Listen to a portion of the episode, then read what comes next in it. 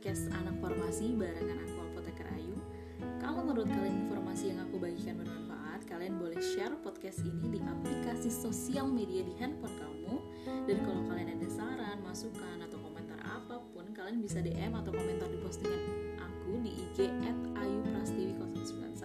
Oke? Ingat ya teman-teman untuk stay positif, stay healthy, and stay produktif. Selamat mendengarkan.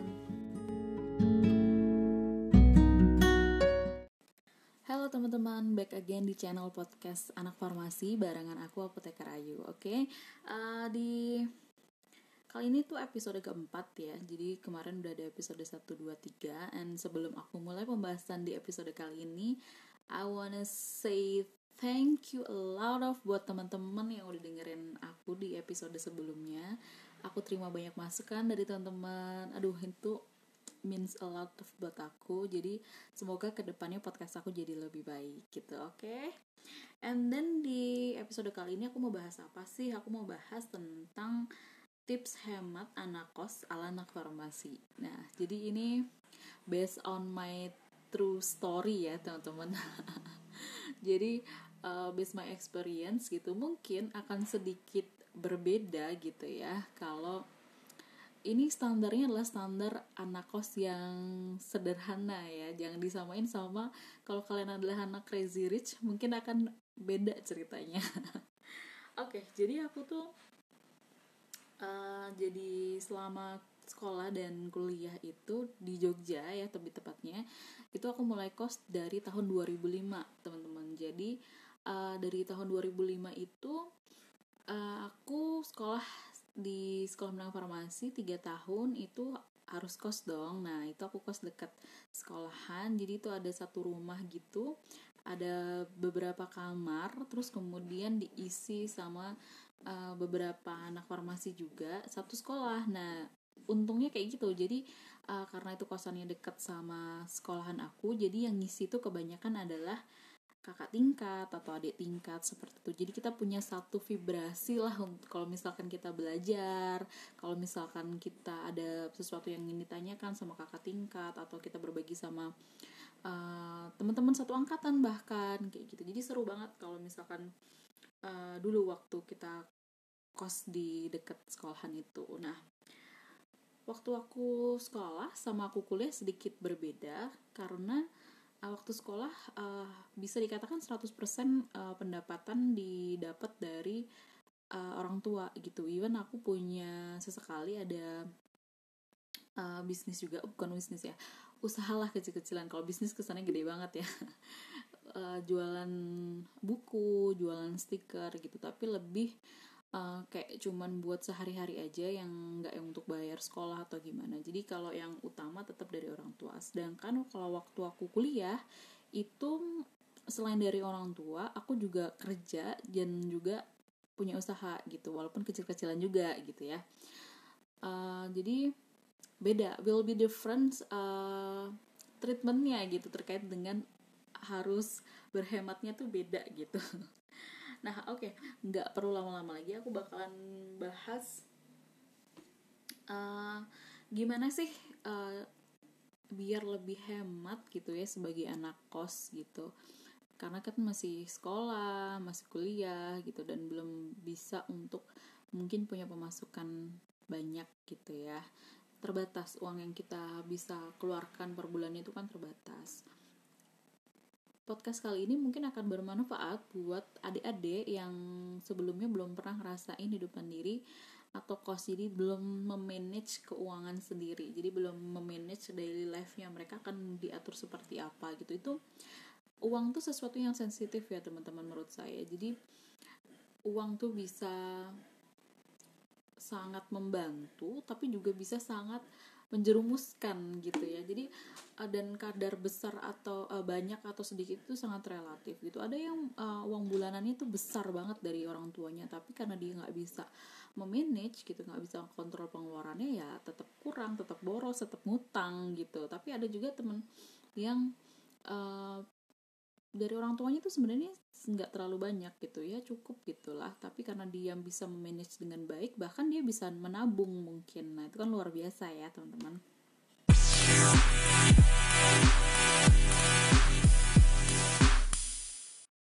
Berikut adalah tips hemat anak kos ala anak farmasi. Ya pertama jadi teman-teman harus tahu dulu pemasukan per bulan itu berapa dan pengeluarannya itu juga berapa nah pengeluarannya harus kita breakdown nih. Kalau misalkan kita breakdown pengeluaran itu kayak misalkan uh, pengeluaran wajib bulanan. Pasti ada dong kayak misalkan kalau kita nggak laundry kita nyuci baju sendiri otomatis kayak beli deterjen pasta gigi terus kemudian sabun. Pokoknya sesuatu yang kita pasti pakai gitu. Jadi kita pasti keluarkan setiap bulannya. Nah kemudian second adalah kebutuhan makan. Nah itu juga memiliki porsi yang sangat besar ya kalau buat anak kos gitu. Kemudian yang ketiga adalah kebutuhan untuk kuliah. Kayak misalkan kita mau fotokopi bahan kita mau print tugas dan lain sebagainya yang terkait sama kuliah. Kemudian yang keempat adalah hedon nah ini kebutuhan apa enggak? Kebutuhan. Jadi kuliah aja belajar aja tanpa hiburan kan kayaknya juga sepaneng ya bisa stres nanti malah. Jadi perlu kita masukkan juga dalam uh, pengeluaran gitu. Jadi kira-kira budgetnya tuh berapa sih untuk kita uh, refreshing gitu? Aku sebutnya hedon ya.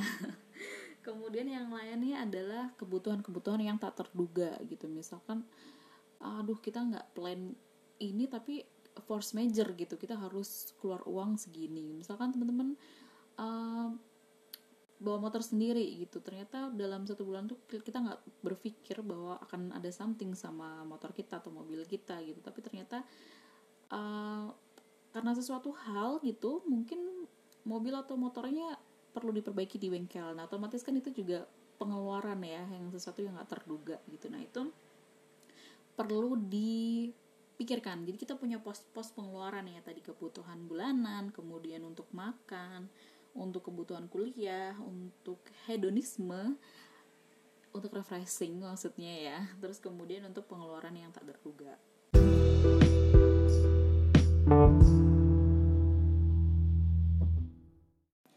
Jadi setelah teman-teman atau adik-adik udah tahu nih uh, berapa pemasukan tiap bulannya, terus pengeluaran tiap bulannya berapa, nah kita kan bisa cek tuh apakah sudah balance antara pengeluaran dan pemasukan. Kalau misalkan salah satunya nggak balance, apa yang harus kita lakukan kita lihat kalau pengeluaran kita ternyata lebih besar dari pemasukan ya pilihannya ada dua nih teman-teman bisa kurangin pengeluarannya atau yang kedua, dengan meningkatkan pemasukannya.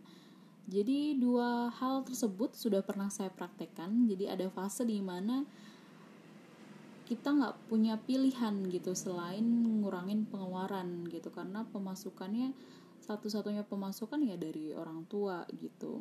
Kemudian ada fase di mana wah kayaknya nggak mungkin ini dikurang-kurangin pengeluaran udah sedikit udah udah atau enggak lah mau hidup lebih nyaman gitu misalkan uh, ngapain sih harus hemat-hemat yang menyiksa diri sendiri atau bikin stres gitu?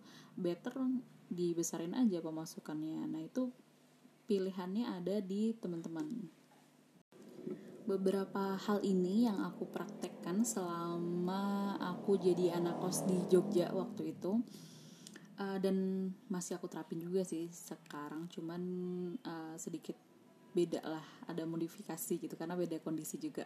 Nah waktu itu uh, untuk kebutuhan bulanan gitu ya aku belanjanya satu bulan sekali. Jadi uh, di kota kalian pasti ada kan swalayan yang terkenal murah banget gitu atau ya lumayan murah lah dibandingkan kalau kita belanja sedikit-sedikit di uh, supermarket terdekat gitu kan yang lima tiap lima langkah ada itu.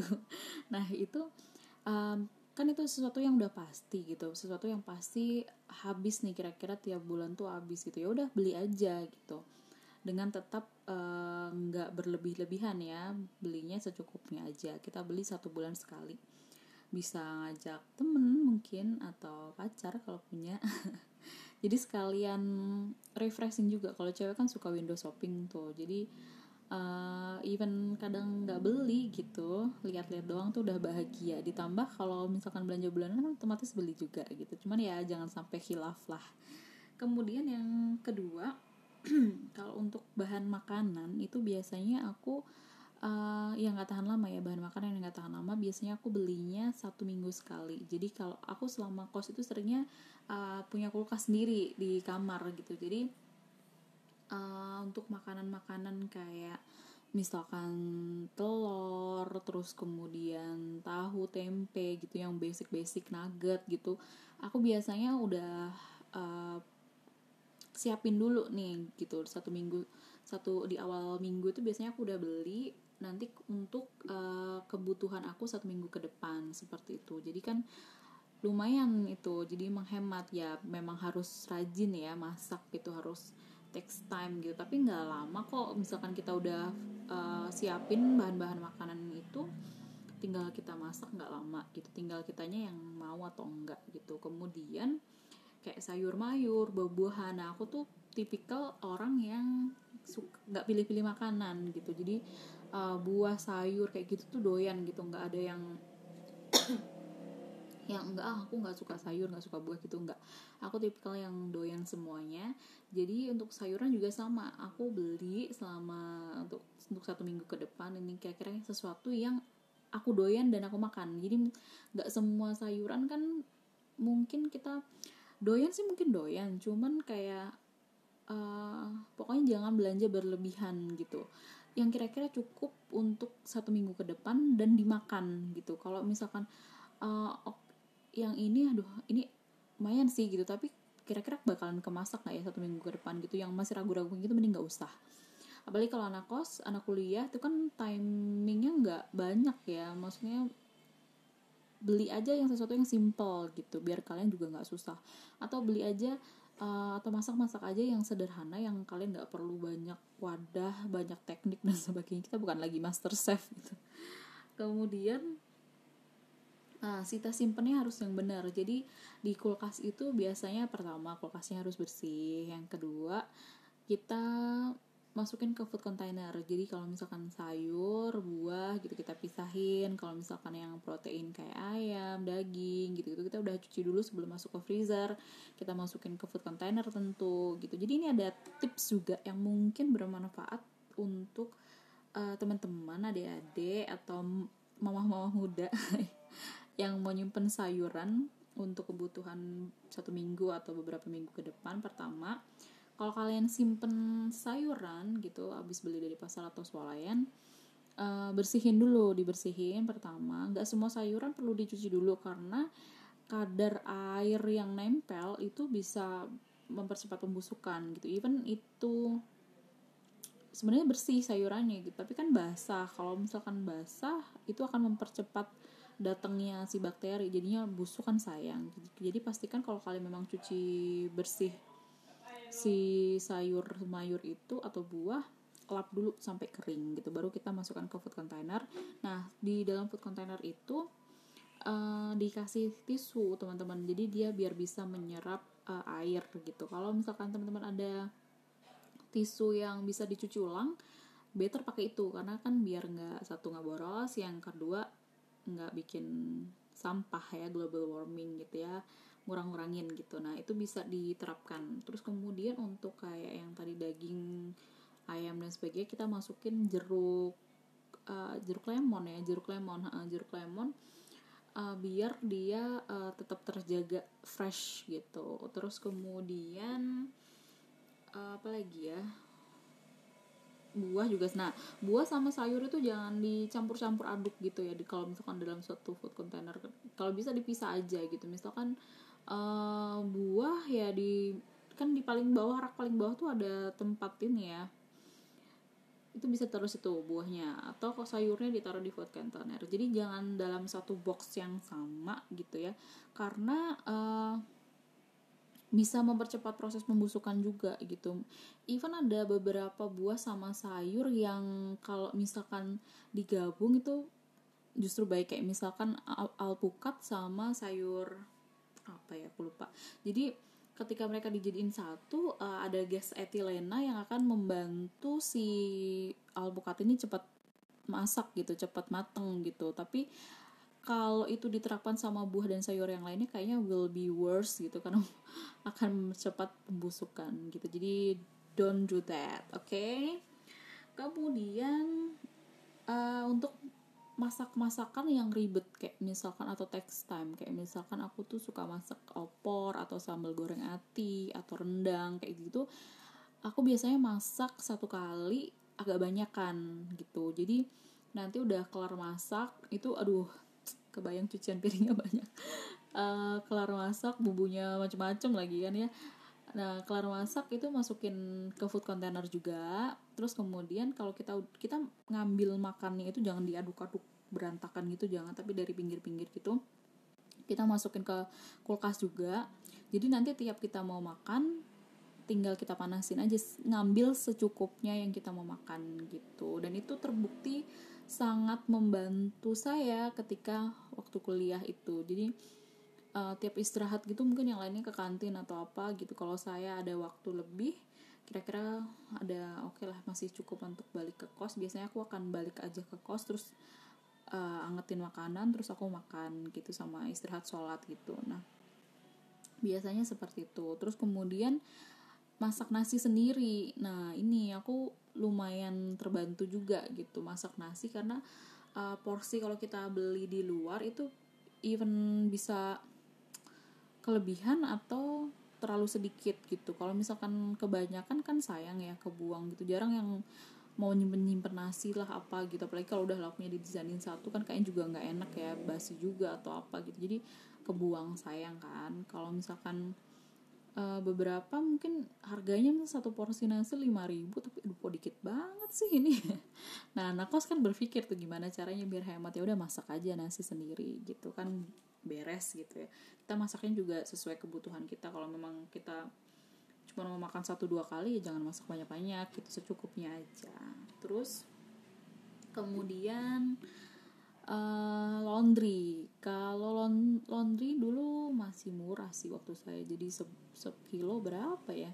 Pokoknya masih murah lah nggak kayak sekarang. Kalau sekarang di 2020 di kawasan aku yang saat ini satu kilonya itu tujuh ribu. Kayaknya kalau dulu nggak nyampe segitu sih anak kos bisa bangkrut.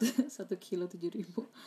Jadi eh, nggak uh, apa-apa laundry tapi sesekali aja gitu. Kalau misalkan kalian punya waktu uh, ya nggak apa-apa cuci aja sendiri gitu kan. Emang kenapa kalau cuci sendiri gitu? Atau kalian punya waktu at least satu minggu ada satu hari kalian libur kan di hari minggu itu.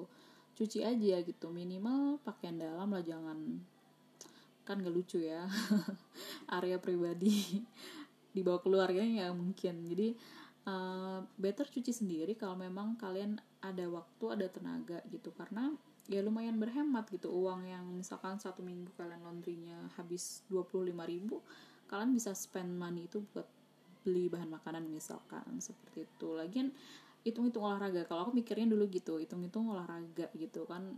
Sehari-hari udah sibuk kuliah dan mungkin nggak sempat olahraga bah bahkan. Nah itu kan ya itu tuh buang buat bakar lemak lah.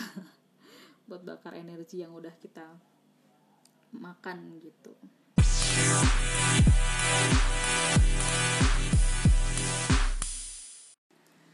tadi adalah beberapa tips yang mungkin bisa adik-adik atau teman-teman terapkan untuk berhemat. Jadi itu based on my true story. Jadi hal-hal sederhana yang kadang mungkin kita suka nggak terpikir gitu ya karena sibuk atau asa bodo amat lah gitu. Yang penting masih ada duit di kantong masih ada duit di ATM gitu ya tapi nanti tahu-tahu tengah pertengahan bulan atau akhir bulan wah kok duitnya udah habis gitu ya belum belum dapat kiriman gitu. Jadi akan lebih baik kalau kita well plan di depan gitu ya untuk menghindari hal-hal yang tidak menyenangkan di akhir gitu. Karena ya aku sih bukan tipikal orang yang lurus-lurus banget gitu yang rajin-rajin banget gitu yang nggak selalu oke okay juga gitu ya. Ya dulu pernah lah yang rasa kayak kacau nggak bisa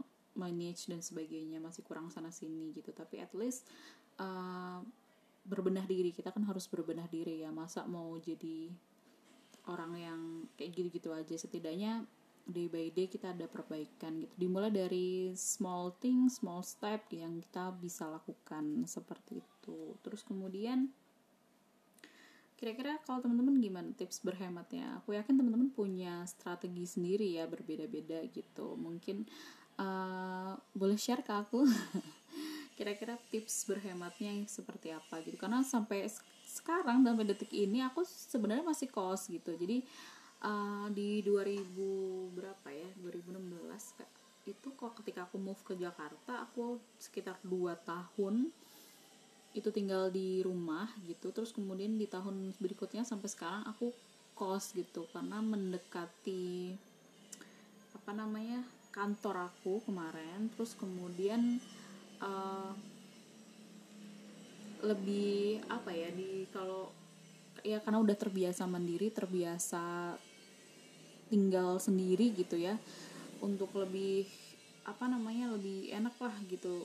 Karena kadang tuh kalau sama orang rumah ini uh, ritme hidupnya tuh beda gitu. Kayak misalkan um, orang rumah tuh jam 9 gitu udah udah tidur udah istirahat dan sebagainya sedangkan aku nggak aku masih beraktivitas gitu. Jadi kadang takut ganggu dan sebagainya. Jadi sampai sekarang aku masih kos gitu teman-teman. Dan masih menerapkan uh, tips hidup hemat tadi ala anak kos tadi gitu. Karena even pemasukan yang mungkin sedikit udah alhamdulillah improve dari yang sebelumnya gitu.